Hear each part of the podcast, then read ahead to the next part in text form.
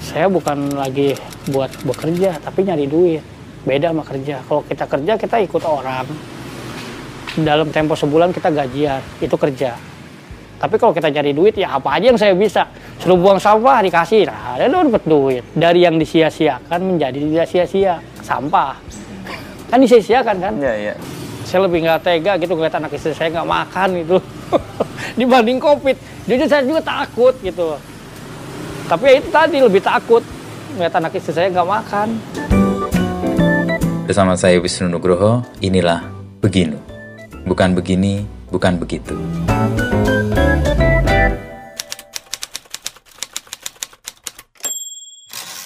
Di Bekasi ini banyak yang narik becak begini. sekarang udah berkurang ya seiring Nah cerita Waktu- Kang Denny nggak narik becak ini gimana awal mulanya? awal mulai itu 2010 saya ke sini udah bingung ya udah buntu Itu sama istri waktu sama itu? istri cuma pakai sendal jepit jalan dari stasiun Cakung ke sini Dari Bogor? enggak dari stasiun Cakung dari Iya. Cak- dari Bogor naik kereta naik Iya, kereta artinya Kang Denny dari Bogor Oh. ke stasiun Cakung, Cakung terus dari Cakung udah jalan ke sini. Ke sini. Udah, oke. Hmm. Terus eh, di sini ada teman tetangga di Bogor eh, jualan kopi. Nah, saya udah ikut dia ke ngelamar kerja aja. Saya bawa tuh Bu, ijazah segala macem ya perlengkapan. Tadinya mau ngelamar kerja ke sini nyari kerja. nah daripada diem mending naik beca. Aduh saya juga nggak ada cita-cita saya jadi tukang beca. Hmm, dapat ide itu lalu ketemu becak ini? Ketemu, ya, tadinya ini juga beca eh, ba- beli 2014. Sebelumnya saya nyewa beca itu sehari 5000 Oke. sewa. Nyewa. Kalau biaya sewanya. Dari 2010 itu ya saya narik terus mulai apa merambah ya. Terus ada lowongan tuh eh, di tempat kerjaan saya yang dulu dipanggil lagi. Tapi saya udah enak begini karena saya beranggapan saya bukan lagi buat bekerja tapi nyari duit. Beda sama kerja. Kalau kita kerja kita ikut orang. Dalam tempo sebulan kita gajian, itu kerja. Tapi kalau kita cari duit ya apa aja yang saya bisa. Suruh buang sampah dikasih, nah ada dapat duit. Dari yang disia-siakan menjadi tidak sia-sia. Sampah.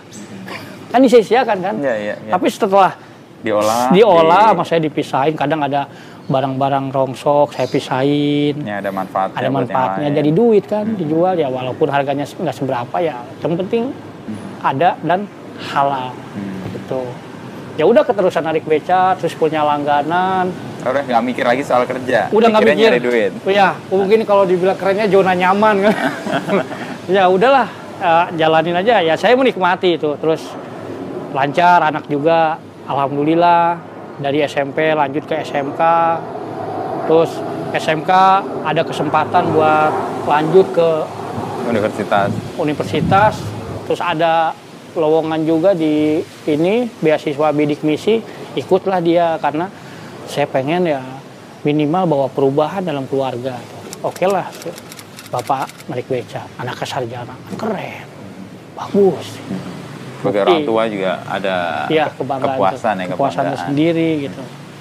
Udah dari sampai ke- tahun kemarin ya bulan awal pandemi Februari ya pas diumumin itu wah hilang hilang semua udah pak Mimpi-mimpinya ya. iya Rencana-rencananya. iya rencana-rencana itu hilang udah deh Jemputan nggak ada, ada. pengajian nggak ada, ada. tarikan nggak ada. Ada terus Berapa biasa lama itu proses sampai nggak menemukan penghasilan atau lumayan pak rutin pendapatan? ya lumayan lah lumayan lama sebulanan ada lebih sampai ya itu tadi sampai berpikir terus eh, ada Pak RT Kang mau nggak nguras got wah itu pekerjaan saya. Tapi saya berpikir lagi pas malam itu gimana ya caranya supaya kita itu bukan nyari kerja tapi kerjaan itu nyari kita. Kepikir itu Kang Denny? pikir ya udahlah nekat. Masuk ke gorong-gorong wah badan udah nggak karu-karuan. Cuma waktu itu belum ada ritual minyak tanah sama oli. Main nyebur aja. nyebur aja Tapi udah. efeknya langsung ketahuan gatel, Uh. Bau nggak hilang-hilang. Iya, udah kayak Pakai oli aja dua minggu kan? Dua wi. udah kayak bangki malam-malam wah nggak tahu. Belum. Jadi di sini nih kutu air ya sampai berdarah-darah. Waduh. Yang Tapi- membuat Kang Denny kuat apa menjalanin itu? saya ingat keluarga. Saya ingat keluarga di rumah. Ingat istri. Ingat anak saya.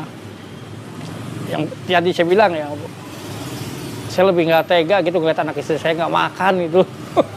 Dibanding covid. Jujur saya juga takut gitu. Tapi ya itu tadi lebih takut ngeliat anak istri saya nggak makan. Ya walaupun Makanya masuk kita kena ya juga iya. aja ya. walaupun kita kena positif ya anggap aja ya, ya itu jihad gitu. Jihad yang sesungguhnya itu seperti itu loh. Nafkahin keluarga tuh sampai nyawa taruhannya.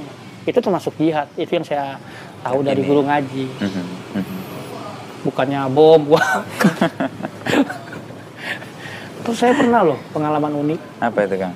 saya malam, ceritanya malam habis nyemprot Disinfektan. Di rumah pasien yang meninggal. Pas pulang dari situ sejam itu langsung bereaksi, demam, pilek, pokoknya gejala-gejala kopi itu ada. Termasuk apa eh, ngerasain nasi goreng itu kayaknya hebar gitu loh. Tapi untungnya apa? Besok pagi saya masih ada pengerjaan got. Ya udah saya aduin aja sama virus got. Kalah covid. Ah, tapi apa sampai sekonyol itu loh pikiran Iya karena menafkah hidup lebih penting dan lebih eh, memanggil untuk mengatasi semuanya ya Iya. dibanding yang lain itu. Itu bulan apa Kang Den? ah kemarin Oh, bulan kemarin ini. sebulan yang lalu Ah, sebulan. iya berapa kali saya ngerasain loh gejala itu tapi ya ya itu tadi kita tetap kita berdoa ya. Terus saya juga nggak mau sombong nggak mau ah kopat kopit kopat kopit Saya emang ada. gue nggak kan? percaya gitu ya. Saya nggak mau seperti itu ya. Intinya tetap kita libatkan Tuhan. Itu aja. Masa sih kita nggak dilindungin? Orang nyari nafkah buat keluarga kok buat bener kok. Orang jahat aja masih dikasih rezeki sama Tuhan apalagi kita. Dan di samping itu kita pengen berbagi gitu. Dikasih kesempatan nih masih Ada tenaga. tenaga atau apa karena ya kan semua semuanya kan pasti akan berpulang. Nggak ada yang abadi di dunia iya iya. cuman waktu yang abadi Yang bikin Kang Denny ceria terus itu apa sih? Kan situasi nggak selalu ceria, situasi nggak selalu mudah. iya di bawah. Di bawah enjoy aja termasuk kalau kerja saya sama tim juga gitu bercanda aja nggak. Nggak ada beban gitu loh seolah Bukan kerja jadi ya udah ini bagian dari bercandaan. iya juga. kadang-kadang gini ini digorong-gorong misalnya panjang nih. Misalkan panjangnya itu 20 meter itu kan panjang. Dari depan dua dari belakang dua. Saya sama Pak Misran Sodikin sama Sarbono di depan saya di belakang. Gali tek tek tek tek tek, ketemu di tengah buat wih ngobrol dia wih ke mana aja lo? Istri masih yang dulu. Weh iya wah gimana buat Pak RT bingung nih orang mana ya suaranya? Lupa Tuh nggak tahu balok layang dari bawah. Oke, ya ya. dapat balok payung lempar aja. Tapi sebelumnya kita sterilin dulu. Oke. jadi di situ jangan ada yang lewat. Hmm. kita batasin lumpur-lumpur karung tumpukin. Wah kayak benteng alamo. Wah macam-macam. Dapat pot kembang dapat ember cat papan penggilesan meja belajar. Masa meja belajar adanya di dalam atau mungkin dulunya tempat kursus kali itu Jadi Kang Denny menjalani kesulitan apa pun ya ya bergembira lah gitu ya. Iya, di bawah Iya. happy aja. Hmm. Ya saya selalu nekenin sama teman saya tim Markesot juga. Segala bentuk kesusahan kita jangan keluarga tahu. Itu aja. Cukup kita aja. dan di bawah happy Iya. ya. Untuk Karena itu. yang tempat yang paling ngadu itu yang bagus sama Tuhan. Sampai kita ada mau- pernah menemukan benda-benda berharga yang nggak terduga nggak di gorong-gorong atau isinya barang-barang nggak ada nilainya semua nggak ada. Nggak ada. Paling kadang TV tabung ada di bawah. TV tabung begitu kalau pecah kacanya kayak apa itu Nah, kita cangkul, puk, suara ada kayak suara ledakan gitu. Puk, mungkin ada apa kali ada elemen-elemen atau apalah nggak tahu. Terus kloset duduk, saya duduk dibuang di got tancep. Sepatu sampai bolong sepatu bot. Makanya ya saya sih ya syukur-syukur gitu pemerintah bisa mendengar aspirasi ya. Saya sih cuma minta dua, apa itu kang kesehatan sama kesejahteraan. Karena selama ini ya kita kan nggak tahu besok atau lusa kita ngerjain gue tuh gimana, apalagi nggak pakai APD. APD juga saya perlu. Kayak sepatu boot, terus helm yang ada senternya itu saya perlu. Karena selama ini kan pakai senter. terus udah gitu saya bawa mati karena Karena air ya. Iya. tapi kalau pakai itu kan lumayan Aha, aha. terus apa eh, sarung tangan terus yang buat kuping tuh apa gitu ya biar air Ini sih earplug namanya. Jadi penutup kuping kalau kita misalnya dengar suara atau kedap itu dia melindungi Ya, gendang telinga lah. jadi nggak masuk gitu loh Mhm. Karena kan sering sering masuk air got Tapi dengan komunitas warga sini nggak disediakan atau nggak ada? Disediakan. Mhm. tapi kan inventaris dibalikin lagi. Kalau kita pekerjaan di mana gimana? Ya kan? Paling kita kalau misalnya kita pekerjaan di sini lagi ya ada nih. Sepatu bootnya disiapin terus tambangnya disiapin. Tapi kalau kita di tempat yang baru ya mau nggak mau. Gimana nih? Apa kita beli atau dari RT yang bersangkutan dari uang kas RT atau dari dana yang udah kita setujui gitu. Karena kan dari awal kita udah ada kesepakatan harga. Intinya nggak ada yang dirugikan. Ya itu aja. saya berprinsip seperti itu. Jangan ada yang dirugikan. Terus masalahnya ini uang warga. Beda sama pribadi. Kalau pribadi kita paling ya cuma ngadepin satu dua orang. Kalau warga, kan satu, RT komplek. dan dari A sampai Z itu nggak sama. Ya. Terus saya Ada juga yang per- rela, ada yang ikhlas, ada Ya. yang gerundel. Moh, macem-macem saya pernah pak dalam satu RT itu berapa orang nggak bayar nggak bayar iuran Tapi bayaran diserahkan ke Kang Denny atau pengurus? pengurus yang nagihin Ah. nah terus udah gitu Tapi ada terus ngasih tahu ini belum bayar nih, belum ya, bayar. ya udah kita kerjain tetap Nah, nggak ada beda-beda ini. Nggak. Karena got kan nggak bisa Iya. dipisah-pisah kan. Iya. Masalahnya tuh rumahnya darinya di tengah. Nah, Ini satu gang. Ada 12 rumah lah misalkan. kenapa ada orang-orang nggak peduli kayak gitu menurut Kang Denny? Ya, nggak tahu lah Pak. Yo, ya namanya juga warga. Yang tadi saya bilang dari A sampai Z tuh karakternya beda-beda. Mereka punya perhatian toh yang dilakukan kan untuk kepentingan warga. Kepentingan Bukan- orang banyak. Iya orang banyak, bukan satu dua orang doang. Ini satu komplek, beda komplek kan. Ya Kang Denny untuk tugas-tugas yang Kang Denny harusnya kan ini pekerjaan bukan kerjaan Kang Denny kan. Iya. Tapi Kang Denny ambil alih atau setidaknya ya udahlah saya turun karena berkepentingan untuk membantu kepentingan masyarakat banyak. Banyak. Nah sementara pelayan masyarakat banyaknya menurut Kang Denny gimana ini atau ke mana mereka? Nggak tahu. saya paling pernah lihat tuh di, di jalan raya depan. Jalan-jalan protokol lah, Iya. biar kelihatan. Ah, Nah, kalau di sini nggak tersentuh. nah. Jadi ya harusnya sih emang bayarannya lumayan mahal sih. 100 ribu loh. Belum kita karung, belum pembuangan.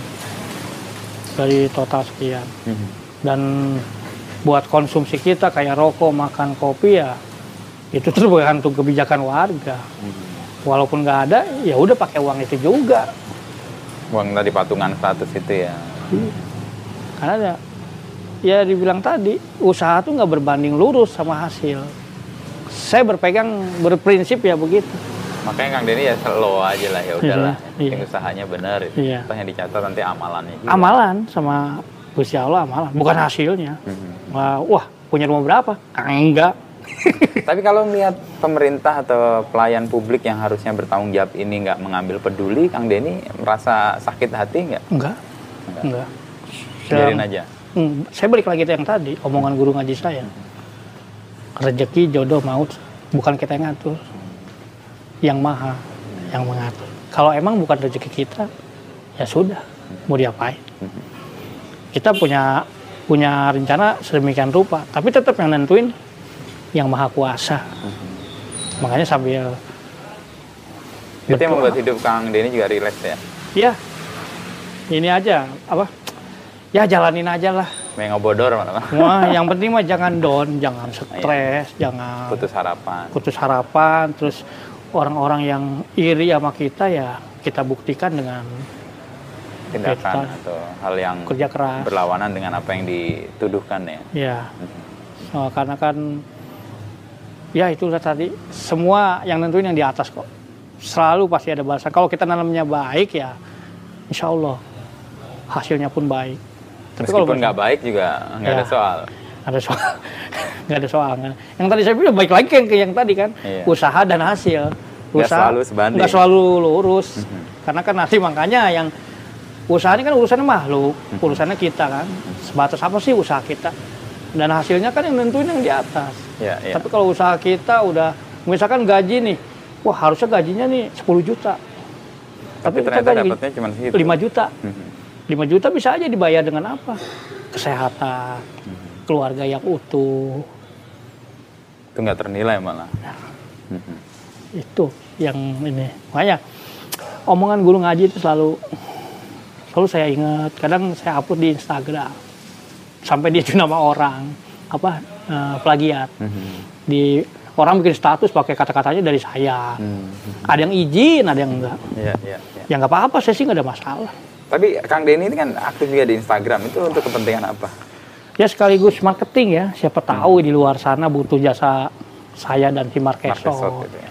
Jadi ada yang masuk dari ada, Instagram? ada, Jauh dari sini atau ada yang jauh. di mana? Galaxy Galaxy. Rumah Tahu dari Instagram. Instagram. Itu setelah Pak Wakil Wali Kota Pak Tri datang. Mhm. Ah, pada ada yang di Rawamangun, Mhm. terus di per- percetakan negara Jakarta Pusat. Bah, kalau Jakarta Pusat mah udah ada pasukan oren dong. Dan lagi itu kan jalur protokol. Yang Iya. saya tahu gorong-gorongnya gede, enak itu. Kita bisa ngopi itu dalam. Tapi Kang Denny jalan juga situ. Hah? Jalan? Enggak. Karena kan gini, ke satu jauh, terus lagi pandemi, terus kita juga kan nggak bisa bolak-balik, Ya.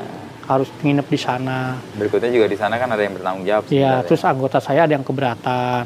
Jadi ya, ya udahlah, nggak usah dijalanin. akhirnya radiusnya sekitar Bekasi ya, aja. nggak bisa Bekasi. Tapi kalau misalkan ada yang di luar yang lebih menjanjikan, lebih oke, why not? Namanya juga nyari duit ya, Iya. bukan kerja. Nah, bukan jadi masalah kan, nyari duit. Kang Denny menarik nih mendefinisikan bekerja dan cari duit. Bekerja itu kan bulan sekali dapat. Kalau Iya. nyari duit mau kapan aja, apa aja digarap gitu ya. Digarap ya. Dan itu bagian dari survive sebenarnya. ya. Dan selama itu halal. Ya. Yang haram jangan. Iya. Emang gampang nyari yang haram juga. Wah, yang susah, apalagi yang halal. Tapi dalam posisi yang sekarang ini Kang Denny ya, lakukan itu kan pakai Instagram lalu orang melihat Hmm. dan kemudian mengapresiasi lalu menggunakan jasanya itu meluas nggak apa dikenalnya atau diketahui orangnya? ya alhamdulillah sih ya pelan-pelan lah. Mhm. Pelan-pelan terus sekaligus kita eh, menebar inspirasi. Inspirasinya itu saya sih cuman pengen supaya orang tuh sem- tetap semangat gitu loh. Di tengah Apa pun pandemi ya, kesulitan. jangan sampai kita gelap begal terus kita apa begal terus segala macem Wah, enggak nggak harus seperti itu masih ada Banyak. kok cara lain gitu loh terus yang kedua doa harusnya yang berdoa yang pertama dulu Iya. pasti kan nanti dikasih jalan baru Iya, kita iya. ikhtiar kan Tapi kalau situasi kayak gini kan keluhan emang semua orang punya keluhan kan. iya. Tapi apa mau berhenti di keluhan aja tapi nggak melakukan apa-apa, nah Kang Denny mengambil pilihan yang lain kan. yang lain Ya, bahkan kepada keluarga aja nggak diceritain. enggak Nangis, darah dan sebagainya yang dihadapi ya udahlah jalan. Pokoknya anak tenang, dia bisa sekolah dan Iya. istri bisa dapat penghasilan yang rutin gitu. Iya. Meskipun tiap hari bisa jungkir balik ya kepala Nah. di kaki, kaki di kepala Iya. beneran tuh ngesot beneran. oh iya bener-bener sampai tiarap sampai merangkak Kak. Hmm. kalau lebih dari jatuh bangun lah kalau jatuh bangun mending memang ngesot-ngesot loh jatuh aduh kena itu apa Gorong-gorong Gorong- atasnya. Nah. sering kepalanya tapi alhamdulillah bukan sih pengen gitu Mhm. Gak apa-apa sih ngomong nggak apa dijahit emang kalau kaki yang ini dijahit nih Karena apa itu? itu ya kena kaca nako Oh ya kaca nako. itu udah pakai sepatu boot Nancep. nah, karena dia runcing Oh, aduh. terus Mhm. Jahit setelah itu. Hampir Berhenti dulu dong kerjaannya. berhenti tapi setelah dijahit ukuran satu jam durasi satu jam dua jam saya narik beca lagi benangnya masih Masih nempel. kelihatan loh saya masih langsung goes beca loh nganterin buah haji Hmm, tapi gotnya dilanjutin teman-teman. enggak di cut dulu Stop dulu. stop dulu Sampai dia nunggu kering. saya kering dulu Oh, oh, tiap pekerjaan nggak ada deadline sih ya? ya nggak ada Artinya kapan bisa selesainya ya diselesaikan Selesai. tentang waktu yang ada ya. Iya, Kalau ada kendala kayak gitu berhenti dulu. berhenti dulu terus sama yang kedua faktor alam Hmm, apa tuh? hujan Hujan juga nggak bisa. nggak bisa ya udahlah hujan berhenti aja dulu Mm-hmm. apalagi kalau pengerjaan sungai Oh iya pasti ya. Nunggu udah kering berhenti. ya. Iya, yang Nunggu ada ntar kita nganyut. Masalah baru yang ada. Iya iya iya. Bukan nolong orang malah ditolong orang nanti. Iya. Ya sampai saya update di Instagram tuh ya. Eh, ya mudah-mudahan sih anak saya juga kan pengguna Tahu. Instagram tahu gitu. Tapi follow Kang Denny nggak anak? Follow. Tahu berarti ya. Tahu. Meskipun Kang Denny nggak cerita detail, setidaknya anak itu memahami, Memahami, pekerjaan atau iya. kesulitan orang tuanya. Soalnya kan anak saya juga udah dewasa, udah punya dunianya sendiri. Yang penting itu tadi jangan lepas dari akhlak. Itu yang terpenting akhlak. Percuma punya titel apa, sarjana atau apa, tapi akhlaknya tipis. Relasi Kang Denny dengan anak nggak ada soal. Ada, Apa ya? sama yang paling besar. Kenapa? Tapi sekarang udah lu, udah Ada membaik. udah membaik. Ya saya juga nggak ini sih ya nggak menyalahkan juga. Dia kan di kampus dibully sama teman-temannya. Oh iya. Iya begitu dia cerita. Saya juga kasihan juga gitu. Tapi ya makanya tadi saya saya bilang saya nggak nggak bisa ceritain. Ya cukup tahu aja nanti dia kan di Instagram dia tahu update saya nih. Saya di situ kasih caption waktu saya masuk gorong-gorong terus saya bilang saya bukan yang nggak takut covid. Saya lebih takut nih anak istri saya nggak makan. Itu yang saya takutin. Nah bawa di bawahnya itu suatu hari someday kamu akan mengerti arti kasih sayang yang sesungguhnya dari orang tua. Seperti itu. Itu yang melunakkan kemudian anak bisa menerima profesi ayahnya atau bukan profesi nih, apa istilahnya ya? Jungkir balik orang tuanya atau markesot orang tuanya. Iya. Akhirnya dia bisa menerima. ngerti. Lambat tahun ngerti. Sama. Semua juga Pernah sama. tanya ke anaknya gimana cara dia menghadapi bully teman-temannya? Beli temennya udah dimina aja. Emang dia ngasih makan? Nah, Dia yang mau ngasih ongkos, dia mau ngasih jajan. Kan enggak. Saya. Mau beli buku, saya. Pokoknya yang namanya urusan pendidikan, mau sampai mana, ayo. Apa pun dilakukan. Apa pun dilakukan. Beli buku berapa, ayo. Wah, tambah les nih. Tambahin lagi uang jajannya. Dia perlu jajan, perlu makan, minum. Saya fasilitasi. Daripada nongkrong di mall yang nggak nggak jelas. Mhm. Gitu loh. Lama itu pendidikan. Relasinya sekarang membaik dengan anak. Ya. Dengan yang kedua, Kedua nggak ada masalah. ada masalah. Akhirnya Kalau anak saya masalah. yang kedua itu justru larinya dia ke agama. hmm, Saya masih kalah. Dia bisa ngerukiah orang. oh gitu. Dia larinya ke agama. Kayak dakwah ke mana-mana Iya, iya, nih, iya. ikut. Ya itu satu kebanggaan juga buat saya di tengah pergaulan yang horor nih kayak sekarang. Ada anak yang ke arah yang baik lah ya. Yang lebih baik, terus dia agama, itu yang penting ya. Yang ketiga, Yang ketiga Masih ya, kecil ya, SMP masih ya. ini, apa, kalau karena hewan bunglon. belum bisa berubah-ubah gitu loh. Iya, iya, iya. Bisa kadang bagus nih, nanti ada di level yang wah, karena kan saya istri nih suka ngebel. Wah, ini belum pulang. Ya udah ntar saya telepon. Jam 11 masih di luar. Udah, saya telepon. Diangkat sama saya. Jadi dibanding istri sama saya galakan saya. Hmm, Anak Meskipun belum- jarak jauh, Iya. tapi hubungan dan tanggung jawab sebagai orang tua tetap Iya. dijalankan. Terus eh, begitu pun saya kalau habis marahin anak tuh langsung suka merenung gitu. Kayak dulu saya sampai sama anak saya yang gede nih yang udah kuliah. Dulu pernah satu ketika dia jam 11 lewat tuh belum pulang. Hmm. Saya bel nggak aktif HP-nya. Pas dia pulang, saya ambil saya banting itu handphone benar. Hmm. Walaupun itu handphone baru beli, gitu, itu harganya belum seberapa dibanding rasa khawatir saya gitu. Saya bilang ke anak saking keselnya gitu. Sampai saya pikir, Papa itu pusing, obat warung tuh udah nggak mempan ngurusin kamu. Bener, jam 11 loh, 11 malam cewek di luar, mau jadi apa gitu. Kecuali kalau ikut pengajian ya atau lagi di mana sih ada pengajian jam 11 malam belum pulang. Di kontak nggak bisa Ah, juga. Di kontak habis. Jadi kan kita khawatir orang tua. Naluri ayah ada gitu loh. Tapi besoknya ataupun baru berapa jam tuh saya, wah kasihan juga anak gua kenapa gua dikerasin. Yang penting Ada penyesalan. Iya, yang penting kita nggak main tangan. Ah, Oke. Itu aja. Suka Tapi main tangan juga HP-nya dibanting. Iya. ke, ke benda. Jadi sasarannya, wah yang ada aja dibanting aja. ada lemari lemari. Tapi anak kemudian paham dari kekhawatiran yang Kang Denny sampaikan lewat Iya, ungkapan itu tadi ya. ya emosi, luapan emosi, paham ya dia nangis Akhirnya besoknya ya udah deh pakai HP apa. Balik lagi. ya. kalah kalau sama anak itu udah meleleh dah udah udah kalah dah. Ya ya kan kita kerja buat siapa kalau bukan buat mereka ya. Ya mudah-mudahan ya masa tua nanti gitu.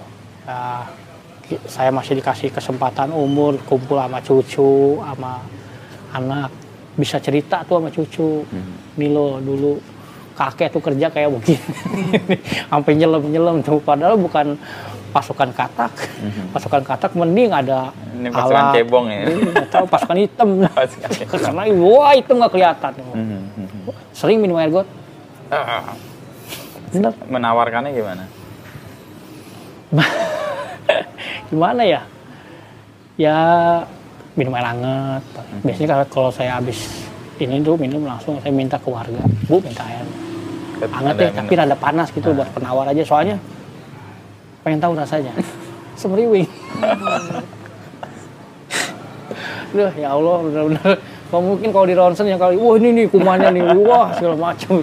Sampai saya pikiran konyol loh, Pak. Mhm. Pikiran konyol tuh gini, saya habis nyemprot nih. Mungkin kalau saya dites saya positif kayaknya. Entah itu OTG, tapi saya udah ngerasain semua loh gejala COVID. Tapi besoknya saya nyemplung, saya nyelam, Hilang biasa aja ya. Hmm. Malah keringet yang ada keluar. Keringet dingin segala macam. Terus jam 10 ngopi itu udah mm, meriang demam hilang semua. Hmm. Terus apa eh, peng- eh, rasa tuh pengecap Balik tuh, lagi. balik lagi biasa. Sebelumnya malamnya saya sempat wah nggak ada.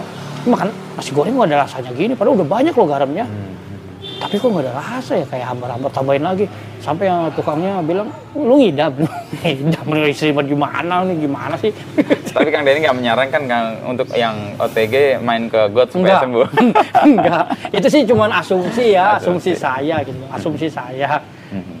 Ya pikiran konyol gitu lah. Atau mungkin perasaan Kang Denny gembira atau perasaan Kang Denny mau berusaha keras itu mengalahkan segala virus yang masuk tadi, Bu. Mungkin. Mungkin ya. Kalau lihat dari itu kan perjuangannya lebih gigih kan ada banyak orang yang sakit itu bukan karena penyakitnya tapi rasa takutnya dia, Khawatir. khawatirnya dia. Parno. Iya. Ya, jadi kan kayak nggak ada parnonya. Udahlah gue masuk got, masuk got aja. Udah. Iya. Ini kerjaan untuk orang di rumah gitu ya. Kadang sampai warga bilang ya itu tadi warga kan wah. Kadang suka selalu dikontrol kerjaan kita. Ya nggak apa-apa. Ya itu bagian dari Justru justru saya mereka. pengen tuh begitu.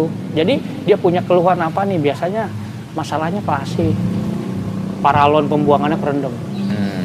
sama lumpur, Sehingga dia nggak bisa nggak bisa ngalir. airnya masuk di dalam ketahan. Ya. Pas hujan masuk dah, lewat got, cius. Pas setelah kita gali, tes tes tes ketemu. Wah udah hitam paralonnya. Oh, Baru tuh biar itu. seneng dia. Seneng. Terus durasinya itu dari paralon ke dasarnya itu biasanya dua jengkal Mhm. atau tiga jengkal. Ya Nah, itu karena baru- ada terus-terusan keisi endapan jadi ketutup tuh. Iya. Nah, lebih tinggi malah. Iya. Dan tandanya itu biasanya gini pak, kalau lumpur got itu kalau yang udah dikeruk, dia kalau bekasnya nanti ada garis bekas air. Mhm. Kan si air pasti turun nanti kalau sedimen lumpurnya udah kita Iya, angkat. iya, dia akan turun. Air Kalau pertama udah di- langsung turun terus, yang begitu biasanya dalam ya. ngalir, Nah, udah turun ngalir dia langsung. Kan itu tadi di hilirnya dulu kita hajar, hmm. kita bikin rendah, Iya, iya. Terus gini. Di tuh. stop stop gitu ya. Iya. Lalu kemudian digali di sebelahnya Oh. gitu. Kan di hilirnya tuh kadang segini, saya Hmm. dalamin lagi segini saya bikin, biar apa? Kencang. Air yang gelon- gelontor. Loncor langsung, Hmm. bas. Kalau lihat sampah-sampah yang ada di got ya, eh, Kang Denny kan menemukan ajaib-ajaib tuh ya. Eh, Kang Denny ngelihat ini cerminan apa ya dari masyarakat kita? Ya itu kurangnya kesadaran warga akan kebersihan. Hmm. cuek kayak apalagi kalau misalkan banjir nih langsung kalau banjir di sini nih kadang ada sampahnya udah dikarungin nganyut sama karung-karungnya Hmm. Sengaja malah dia. sengaja Hmm. tapi masalahnya kita nggak tahu ini siapa yang buang gitu loh Hmm. wah ini mumpung lagi banjir nih address push tahu-tahu ntar wah di bundaran wah sampah banyak ada Hmm. pot kegelinding kembangnya udah nggak ada kekikis tinggal potnya aja kegelinding Nanti saya bersihin terus saya pakai aja udah saya nyari Nggak sadar bahwa mereka sampah itu nanti akan balik ke mereka sendiri. Iya, terus ujung-ujungnya wah, pemerintahnya nggak ini, nggak ini. Dan Padahal kalau ya, dilihat warganya sendiri nggak Warganya peduli. Nah ada perubahan perilaku nggak dari warga yang kemudian Kang Denny bantu gotnya, Hmm. lalu mereka nggak lagi melakukan hal yang sama. ada, ada. Dan umumnya berubah. Alhamdulillah ya. 75% berubah. Sisanya enggak. Cuek aja, tetep cuek aja, aja. Tapi balik sedikit, Pak. Nah, Biasanya kebanyakan tandanya apa itu? Hah? Tandanya. Tandanya. Kegampang kok pas kita lewat situ kalau nggak apa kita ada keperluan apa kita lihat gotnya wah masih kayak kemarin gitu. terus terus dia Ngalir. ngomong pokoknya Kang saya sekarang saya kalau hujan saya mandori nih pokoknya saya awasin nih oh nggak apa-apa nanti eh, eh, aduannya Laporan. tulis ke saya pak ya nanti saya terusin ke Pak Presiden Nggak. Jadi aliran yang itu Kang Denny lihat sebagai oh tanda bahwa masyarakat berubah nih Iya, perilakunya. berubah. Terus hasil kita juga ketahuan sampai ya tadi. Jadi kan orang itu mendoakan kita. Kan kita seneng didoain orang, Mhm. ya kan? Didoain kesehatannya. Itu udah udah lebih dari materi. Itu berbalik ke Kang Denny sendiri. Balik. Ya. Itu aja. Suka duka ya, sukanya cuma satu dan itu udah mewakili semua. Kerjaan kita dihargai sama orang, bukan dihujat sama orang, tapi dihargai sama orang.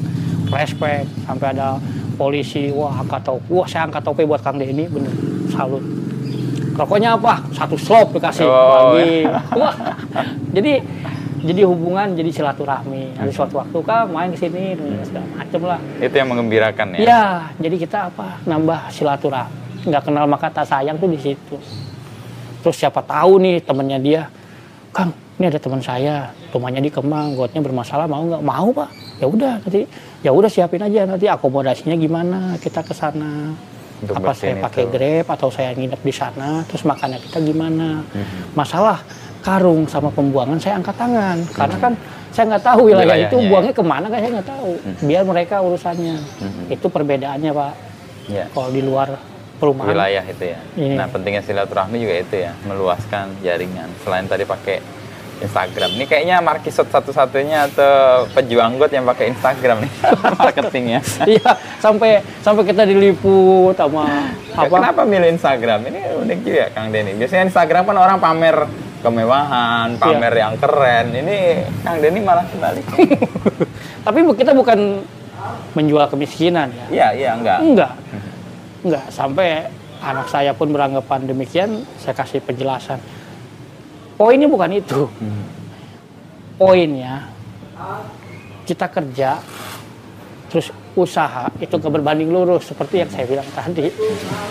Kan suatu saat kita pulang. Itu poin dari Kang Denny main Instagram itu. Iya, Dan itu membuat Kang Denny juga ngerasa ya ini bagian dari meneguhkan keyakinan itu ya. ya terus mengajak orang rata-rata kadang pada komen yo ya saya habis kemalingan motor sampai dia komen di situ di Instagram saya. Kang saya habis kemalingan motor motor saya diambil sama orang. Tapi saya ngelihat Kang Denny hidupin keluarga sampai begitu saya langsung meleleh Kang. Tetap semangat Kang inspiring buat saya. Nah Itu itu yang- satu kebanggaan tersendiri. Jadi secara nggak langsung kita itu menebar inspirasi. Yang penting- Kenapa milih Instagram, Kang? Eh, itu juga anak yang bikinin Oh, Oke. Tadinya mau buat yang ini, kan di Facebook juga saya punya. Biasanya kan buat langganan-langganan beca Nah, gitu loh. Oke, tapi Facebook udah nggak aktif. Jarang, masih aktif, cuman udah jarang. Tapi yang sekarang aktif Lebih sering Instagram saya. Oh. Ya kadang nge-DM atau gimana. Pemas saya sama tadi marketing juga. Terus menebar inspirasi juga. Terus kalau saya butuh orang siapa tahu ada yang mau ikut. Pernah ada yang mau ikut juga, terus saya bilangin kalau Untuk Markisot ini. Ya, terus datang tuh ke saya. Pas pas kebenaran dua orang ada lagi ada di dalam, saya di luar gantian. Kata saya, lu berani nggak nyebur ke dalam? Wah, gimana caranya? Gampang, lu masuk, gua ikat leher lu. Lu nggak ada gerakan, gua tarik. Buset mati dong. itu ujian penerimaan eh, Markisot. Mau bercanda ya. Oh, Padahal ya mati rasa males lu mati gitu. oke. Matiin tuh rasa males. Akhirnya gabung nggak atau nggak? Enggak. Tapi yang butuh nyali yang berlipat-lipat ya untuk Iya. masuk di komunitas ini. Dulu enam orang ya, sekarang tinggal empat. Tinggal empat. Kenapa yang berdua? Yang dua, yang satu karena faktor U. Oke, Terus yang satu lagi punya kerjaan lagi di Oh. luar yang lebih menjanjikan. Jadi empat ini bertahan. Jadi empat ini bertahan. Nggak rekrut lagi atau tadi mau rekrut nyalinya nggak cukup tadi Iya. dibatalin. Dibatalin. Padahal sih ya, enaknya kita nggak ada saingan. Ah, Minim loh saingannya kita. Di. Siapa orang yang mau, ya kan? Terus diba- dengan ini dibayar, bisnis ini keren banget nih bisnis yang nggak ada saingan itu pasti bertahan. iya. Terus sudah gitu dibayarnya, ya kadang kalau dibilang sukarela, sukarela ya. Ya tapi kita nggak bisa maksa loh. Pandemi loh ini. Iya, iya. Tapi bayarannya menurut Kang Denny fair nggak atau harusnya nggak segitu ya? Iya. Tapi ya udahlah tadi usaha nggak selalu sebanding dengan nah, hasil.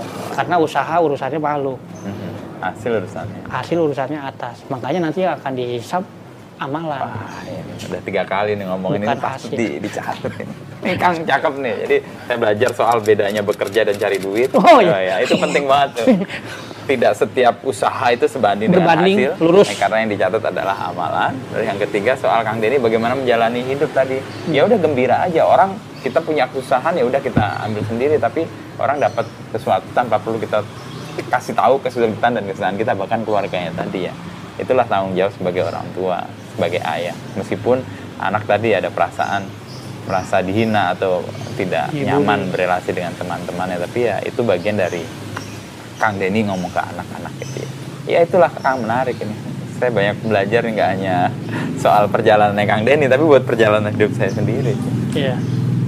Mudah-mudahan bisa menginspirasi orang-orang yang Amin. nonton. Sehat Amin. selalu Kang ya. Amin. Ya, mudah-mudahan becaknya banyak tarikannya tuh setelah pandemi ini mudah-mudahan bisa segera berakhir ya. Iya. Ya kadang kan kalau saya bukan sehari dua hari, kadang sehari itu nggak dapat duit sama sekali. Kadang. Tapi pas saya kadang ini mau tidur, malam jam 9, ada orang minta tolong. Oh, motornya mogok nih gimana ya? Ya udah naik aja ke beca, naikin sampai spionnya patah.